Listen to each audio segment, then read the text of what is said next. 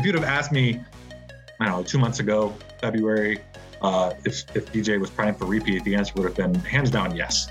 Uh, but his recent form just hasn't, he's, he's dropped off a little. Um, and he's actually now down to uh, fourth in our in our projected win percentage. It is one of the biggest weeks in the golfing year, with the first major getting underway at Augusta National back in its traditional spot in the calendar. And to help us make sense of the field and who could be donning the green jacket this time around, I have been joined by our golf czar, Kyle Cunningham Rhoads, to talk about who our model here on The Analyst is predicting success for. At the end, I will be back to give you more information on where you can read more great storytelling like this. But for now, enjoy this reads from the analyst behind the article conversation. So I'm delighted to be joined by our NFL and golf predictive analyst Kyle Cunningham Rhoads, but I think you'll soon start to be calling him our golf czar here on theanalyst.com as he's going to be the one that will help teach us more about the sport that we love and to help us understand it further. Uh, and I think we're going to be able to make that that title go. I'm not opposed to that title. Golf we'll, we'll make it stick. Anyway, I'm really happy that Carl can join me to help gain an understanding of a brand new model on the analyst that is going to be driving our golf content. Uh, you can read all of his articles on theanalyst.com now, but I felt it would be great to bring Carl on to have a chat about it in a slightly more relaxed fashion. And, and most importantly, Carl, is it fracas? Is it fracas? Is it fracas? yep. Um, so we decided to go with fracas um, just because I mean, the meaning of the word fracas is just sort of the antithesis of golf, right? So irony, that's fun. Um, yeah, that's it's it's fracas, uh, field rating and course adjusted strokes gained. Um, we just kind of nipped the G because fracas was not going to work too well. So it's always good to get the name of things clear early doors. I found both in life and business. So welcome to the world of fracas. Why do we need a model like this, and and how does it compare to the other tools that are out there for for rankings and and such like? Yeah, I mean the big the big ranking system for for golf is the official world golf rankings. Um, I mean those are they're used as uh, sort of qualification criteria for for various tournaments. Um, players gain points uh, by finishing well in tournaments, uh, but it's not it's not designed to be predictive. Um, largely because it's it's designed to be able to give an idea for tournaments on who to invite. Um, Fracas is, is more designed as a predictive tool. Um, so it's not so much, you know, here's who's who, here's who the best golfers have been for the last X number of weeks. Uh, it's here's who we think the best golfers are heading into next. Um, so as as the rise of of gambling happens in the United States and, and golf gambling really starts to take off, um, we really wanted to to come up with a system to to kind of give a better idea of what's probably going to happen as opposed to what just did happen. So how does Fracas work then? What what is going into making this model? Yeah, so the big issue that that a lot of golf ranking systems have is uh, because golf is so global, uh, and because there's all sorts of uh, tournaments are played at tons of different courses. Um, the strength of field in, in, in tournaments varies widely, right? A PGA tournament and a, and a, a, professional Japanese golf tournament has sort of a different skill level. Um, but we would like to be able to take data from all of those tours and put them into one big ranking system. So how do we do that? Uh, we have to we have to adjust what happens in those tournaments based on the context of the tournament um, right? So just looking at, at, at the United States, there's the the the PGA Tour and the Korn Ferry Tour. The Korn Ferry Tour is essentially a minor league tour, um, but if you gain three strokes on average on the field in a Korn Ferry Tour event, we don't want to sort of equate that to gaining three strokes at a PGA Tour event, nor does anybody, um, because it's, it's just not the same. Even within the PGA Tour, I mean, there's there's fields that can be three or four times as strong um, from week to week. I mean, we just had a tournament uh, the the the one down in the Dominican Republic, which you know sort of a uh, an alternate field event, and it's, it's effectively a, a, sort of glorified Korn Ferry Tour event. Um, and we don't really want the winner of that and the winner of the Masters to sort of have the same uh, kind of performance uh, across uh, across the globe. And as I say, something like that, those alternate fields and such like they they really make it they really make it a challenge. And obviously, I think this is where it's really good as well because, like, how much does it actually? how much does Fracas sort of reflect a player's recent form? Look at someone like Jordan Spieth this weekend. I mean, he's had a absolutely horrible time recently on the golf course, and he's refound his form right now. It, it, is something like Fracas going to be heavily weighted in favour of him, where he's sort of coming into this form, or is it is it more reflective of like a longer trend? What we've done is we've we've sort of modeled what's called decay, uh, and the idea is how much should a previous tournament weight from the one before that, right? And so our our, our decay number is is 0.9385, I believe is what it is, uh, which essentially means that each tournament is worth 93.85% of the next tournament right? So keep going back, you just keep multiplying how many, uh, you know, four tournaments back, it's just 0.9385 to the fourth. Um, so there's, there's, there is strong recency uh, bias in play. Um, I mean, you know, just, just sort of six tournaments ago, you're already getting down to sort of half as valuable as the last tournament. But the real strength is that it does still maintain that sort of long-term stuff right? So like Rory is a great example of somebody who's like the other side of Jordan Spieth, right? Who, who had a whole bunch of success. Then there was a huge COVID break and he came back and really has sort of performed subpar compared to Rory. But we still have him as a top 10 golfer because of that sort of long-term baseline. Whereas Jordan, even though he had so much success three and a half years ago, that is really far enough back that that Fracas kind of throws them out. Right? They're, they're still being valued, um, but but at such a minuscule scale that they're hardly making any impact. Um, and while he's vaulted up the rankings over the past three or four weeks, um, he's still sort of in that 25 to 30 range, largely because he he had so much struggle for so long. Um, yeah, I mean, do we hope that he's back? Absolutely, but but ultimately, what we're going by is what what we've sort of modeled um, from a predictive standpoint. Um, and while again, the trend is in the right direction, um, the trend is in the right direction because of the recency bias, but it's not quite up to that sort of 2017 Jordan Spieth level because of the the sort of long term influence that still is maintained.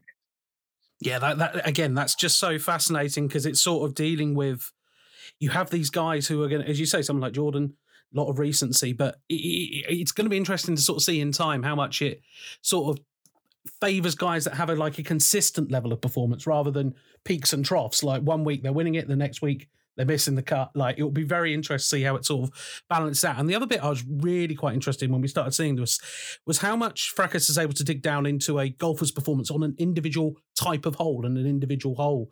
And as a result, that sort of brings it into, well, how good is this guy on a par three on a PGA course compared to a par five on a Japanese course? And like, I really, I really loved when we, we put the article out and we straight away see Stewart Cink there right at the top as the best player on a par three hole on the PGA Tour, which I think a lot of people looked at and went, Stewart Cink, isn't he something from the 90s, isn't he? And yeah, he's 45 years old, I think. Um, and then I, you know, that's what everybody loves about golf, right? Is that it's relatable. You can go out and you can play a course that uh, you know maybe you're not playing from the tips, but you're playing the same type of course that that a, that a PGA Tour champion is playing. Um, so those right. So there's each hole type is oh we break them up into sort of five distinct buckets, and that's short par threes, long par threes, short par fours, long par fours, par fives. Even within a certain type of hole, so like short th- uh, short par threes and long par threes, there's a sort of middle ground where we don't really want sort of a hard cutoff, right? Like we don't want to say that anything over 195 and a half yards is a long par three, under 90, 195 and a half yards is short par three, because that's just like it would just sort of be arbitrary to decide when that is. So what we did was we looked at sort of scoring across um, all hole threes and their uh, par threes and their yardages, um, and found where the sort of the boundaries were for like, okay, well, once we get to this yardage, things all sort of start to even out, right? So once we got to uh, it's 165 and a half um, for short par threes, anything under that is it, it kind of ends up being the same. Um, and then anything over 212 and a half, uh, that's where the, the difficult par threes are. But anything in between, we end up sort of counting them as both, um, depending on which side of that of the middle ground it is, right? So if our middle is 195 and a half, and it's a 205 and a half, it'll still be weighted mm, 40% for short par threes and 60% for long par threes. Um, but you know, like you said, being able to sort of identify individual players who succeed on very specific types of holes, right? And I don't know Stewart Cink, but it's possible that he just loves hitting nine iron or, or, less, right? He loves wedges, and that's why he's you know he's also a pretty good putter. You know that.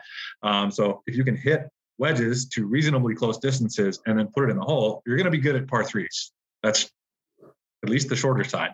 Uh, and on the longer side, I think our number one player is Bryson DeChambeau, which makes a ton of sense because he's hitting an eight iron, 220 yards with that's a ton more loft than a guy who's who's got to hit a, a, four iron or even a, a three wood or something. Um, so it's it's fun to be able to look at the individual, almost like playing styles of individual golfers, and then as we get to a more predictive standpoint, being able to take a course, look at what types of holes are on that course, and then sort of match them with which types of players are probably going to play best at that course because of how they've done on the types of holes that are on that course. And what a lovely segue that is for us to start talking about Augusta National this week. I mean, this is one of those unique courses where you, you do get these so called specialists around Augusta. Uh, how does Fracas break down the challenge ahead for the players at the course itself? Yeah, uh, Augusta is just, it's such a unique place. Um, and the, because it's such a big deal and because everybody plays there every year, uh, there's no green books. Um, players have to sort of learn as they go, right? So experience experience does tend to matter. Unfortunately, that's something that Fracas sort of like doesn't they really can't take into account, largely because the sample size just isn't big enough, and we can't get sort of a good read on on if a player has played X amount of rounds. Well, even if it's 40 rounds, that's a significant sample size, but really not enough for us to be able to do anything.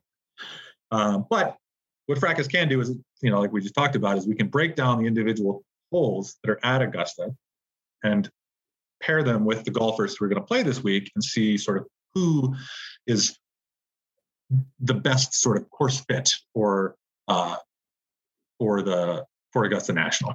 The big thing with Augusta is that there's there's this great balance between scoring holes and holes where you just really want to come away with par.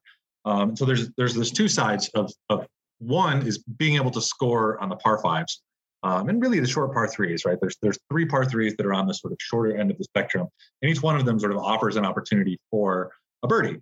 Um, there is a long par three, which is which is, tends to be very difficult. And if you come in with birdie, you're sort of feeling a shot and a half against the field. Uh, but really, these these par fives are, are where uh, you know they're, they're discussed constantly of like, okay, you have to eagle, you have to birdie these par fives to be able to win. Um, but the flip side of that is these these long par fours. Um, there's there's between five and six of them, right? We talked about that sort of like middle ground. I think our, our, our total number is there's 5.8 of them, which doesn't make a whole lot of sense when you're thinking about holes, but trust us, 5.8 long par fours. Um, and they collectively play a little over a stroke over par. Um, but what's really interesting about those is, is we can also sort of look at the, the standard deviation of holes uh, or of scores on a specific type of hole, right? So, so the par fives are, are, sort of always a great example where you know, the, the 15th is going to play, uh, you know, minus 0.4, uh, so you know, 0.4 strokes under par, um, but the sort of the standard deviation of scores is is almost a full stroke, right? So so there's there's this wide range of, of possible outcomes, and that again holds true for these long par fours, where the the long par fours and the par fives, while while this you know, expected scoring on them is, is about two and a half strokes of difference, the, the long par fours actually have sort of a, a bigger collective standard deviation of score. So being able to just save par on all of these uh, on all of these holes goes a long way towards you know again if you if you're saving par on all these holes and scoring on the par fives people love scoring so they're going to point to par fives and be like look what he did on these par fives bring out all those uh, um, all those birdies but again on the flip side just being able to not bogey all of these really really really difficult par fours uh, is will just goes a long way towards towards sort of maintaining all those birdies and eagles that guys are getting. Um, so as we're looking at Augusta National, those are really the two types of holes that we're kind of going for here. Right? So like how do you how are you performing on long par fours? You know, Patrick Reed's a great example. He always performs well in difficult tournaments, largely because of his ability to scramble and save par on these on these really difficult holes. And who can score on the par fives, right? So the Xander Schauffele's, the Jon Rahms of the world, um, the guys who can who can sort of rack up scores in a, in a hurry. those are those are sort of the two types of holes that that really sort of are highlighted by Augusta National, um, and just the fact of having sort of three short par threes. Anybody who's a, who's a good wedge player is gonna gonna have sort of a slight advantage over somebody who's who's great on the longer par threes and, and can really sort of save par there. Yeah, and I mean, obviously, he's not going to be playing. He's not going to be playing uh, this time around. But Tiger Woods always says that about the par fives, didn't he? He says most important thing at Augusta: get on your green in, get on your green in free, get close, knock it in for the birdie, walk away. You're happy with that. Like, don't try aiming for eagles. Don't try anything for anything dramatic. And then when you're on the par, par fours, just knock in the pars every time. Accept it. Um, and it's interesting how Fracas kind of agrees with Tiger. So, you know, it's that sort of coming coming together of the two worlds. Now, obviously, Tiger won't be collecting yet another major there this year, unfortunately. But and I, I, I now I have to ask you the big question: uh, What does Fracas say about the tournament? What who is it pointing? Is it pointing towards a repeat for Dustin, or is someone hidden in the pack? Fracas suggesting that actually maybe it's going to be their time to put the green jacket on this year. Yep. So so Augusta National is one of those courses where while every week we're sort of loading new courses in and seeing who's going to win this upcoming week's tournament, Augusta is sort of always on our minds. Each week we're sort of looking at like, okay, what's you know what's what's this week's version as as whatever happened last week sort of updates in our system. How does that change the prediction? If you'd have asked me, I don't know, two months ago, February, uh, if if DJ was primed for repeat, the answer would have been hands down yes. Uh, but his recent form just hasn't. He's he's dropped off a little bit, um, and he's actually now down to uh, fourth in our in our projected win percentage um, for this tournament. Um, there's really this sort of top group. Uh, there's there's Jon Rahm, Xander Schauffele, Justin Thomas, Bryson DeChambeau, Dustin Johnson. Um, in that order, uh, that that's what Fracas is saying for for who's who's probably going to win this. Granted, Jon Rahm is our number one overall player this week. Uh, still only a six and a half percent chance to win, right? So 15 to one odds that's not very high. Um, and a lot of that has to do with what we just talked about with the challenges of Augusta and how easy it is for sort of massive swings to go one way or the other. Well, we saw it a couple years ago when when Francesco Molinari just shot himself out of the tournament by putting a put three or four straight balls in the water. Like that can happen at a course like this. And so having those those single digit odds golfers, it's just really hard to to make a prediction at a course like this with so much variance so much stroke variance to to be able to have sort of a consistent winner. Like you know, we would have happened with Tiger back in the day when he was running over everybody, but now it's it's it's a little more uh, it's a little more even, um, and and there isn't really that sort of one guy at the very top who's, who's kind of running away with with our our prediction. I mean, we said Jon Rahm six and a half percent, but Xander is is right behind us or right behind him at, at 6.2 percent. Um, and Xander is he hasn't won in a couple years. Um, and again, that's that's one thing that that Fracas doesn't understand necessarily is that maybe there is some sort of mental block for for Xander as he gets close. But maybe there isn't, and he's just getting unlucky. Um, and that's again the sort of sample size issue that that having these sort of narratives about individual players um, can can kind of weed out by using a model like Fracas. I mean, Jon Rahm's not going to have any trouble with the water. He'll just do what he did over the par three last time around and just skim it across the water into the hole. Surely, I mean, this is this is all he's going to do. But he just had his baby. You know, he was sort of at risk this tournament of potentially dropping out. I think his, his wife's due date was Saturday, but baby came a week early. Now he's got that that new dad swag, and he's going to go in and and you know potentially get that sort of career changing win for him. Uh, the, the, daddy power. That's not yeah. in practice, is it? Unfortunately, no, we don't have a, pl- a plus one for daddy power. And I mean, and you talk about guys with like those those mental blocks as well. Someone like Lee Westwood always comes to mind, certainly from an English perspective, like in some of the best form of his career right now. But fourth round troubles mean that again, it's something that maybe isn't added into it, but everybody who is who's looked at Willie Westwood will go, ah, you might want to cash out after the third round. yep. Yeah. It's probably the way. So yeah, it's time to lay him. Yep. Yeah, indeed. So so let's let's talk about obviously Fracas not only is looking at those players that are kind of the, the guys you would expect to be up there, but it's also making predictions about guys where there might be value in the market and there might be there might be value in players at looking at breaking into the top 10 or breaking into whatever. So what's Fracas saying about those guys that maybe to the average person who tunes into the four majors of the year and a couple of other tournaments, who should they be keeping their eye out for this week? So I'm actually gonna, you know, we, we just talked about Lee Westwood. We're not gonna talk about Lee Westwood. He's sort of in that same boat as Jordan Spieth, where he's got a bunch of recent success. Uh, but the long-term stuff is it's just not quite there for him, and, and Fracas isn't isn't necessarily a believer this week. But we will stay in England, um, and our our pick this week is is Matthew Fitzpatrick. Um, you know, where it's kind of a funny comparison between him and Lee Westwood because Lee Westwood looks like an 80 year old gar- garden gnome, and Matthew Fitzpatrick looks like a high schooler. Um, Fitzpatrick has having some experience at Augusta, and I, this is, you know, I'm getting a little bit into the narrative side of just following up, but having some experience at Augusta, I think will go a long way in Fitzpatrick's favor. Uh. He's a really, he's a guy who takes a ton of notes, right? And with Augusta, again, just like having experience and having some notes is probably a great thing, right? People always try and play practice rounds with Tiger to try and glean anything. He never gives anything away, but that's always the hope. Um, and Fitzpatrick has really sort of vaulted up uh, both the world rankings and the Fracas leaderboard. I think the Fracas leaderboard has him as 11th in the world right now, which, you know, if you're a casual follower of golf, you're not thinking of Matthew Fitzpatrick as a as a top 15 player in the world. Um, but this course, it kind of fits him. He's he's a guy who he has added some distance lately, so he's not necessarily the shortest hitter on tour. Um, but what he can do really, really well is safe par. He's arguably the best putter on tour.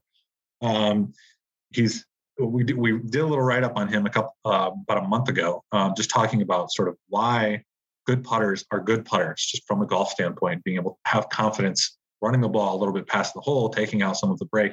He can do that, and at a course like Augusta, where having those, not being afraid to have a comebacker at, at six or seven feet, um, that's a that's a real strength for Fitzpatrick. Um, and that that sort of shows in his his individual hole breakdown. It, the you know the, this week his his again he's not a longer hitter, but his best projected holes are the par fives, largely because he can get onto the green in three, sometimes in two, and either make that long putt for eagle or sink the the eight to ten footer for birdie.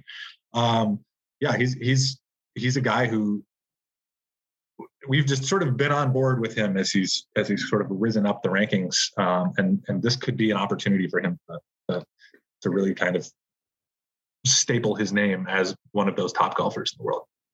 Yeah, and it's, it's also going to be interesting. Like, obviously, it's a very recent memory of Augusta for him because obviously the COVID pandemic has, forced it through to a late Masters for the first time ever last year. Like, it's not like you've got this 12 month break of sort of the guys are coming back to it what six months after the last event or such like? Like it's a very sharp turnaround for them and under what will likely be vastly different playing conditions. I mean that was the big story of, of the, the the november augusta national masters was the softness of the course right? Shooting 20 under pars is just unheard of at a course like augusta national. And i think that the superintendent over at augusta national is going to take that very personally.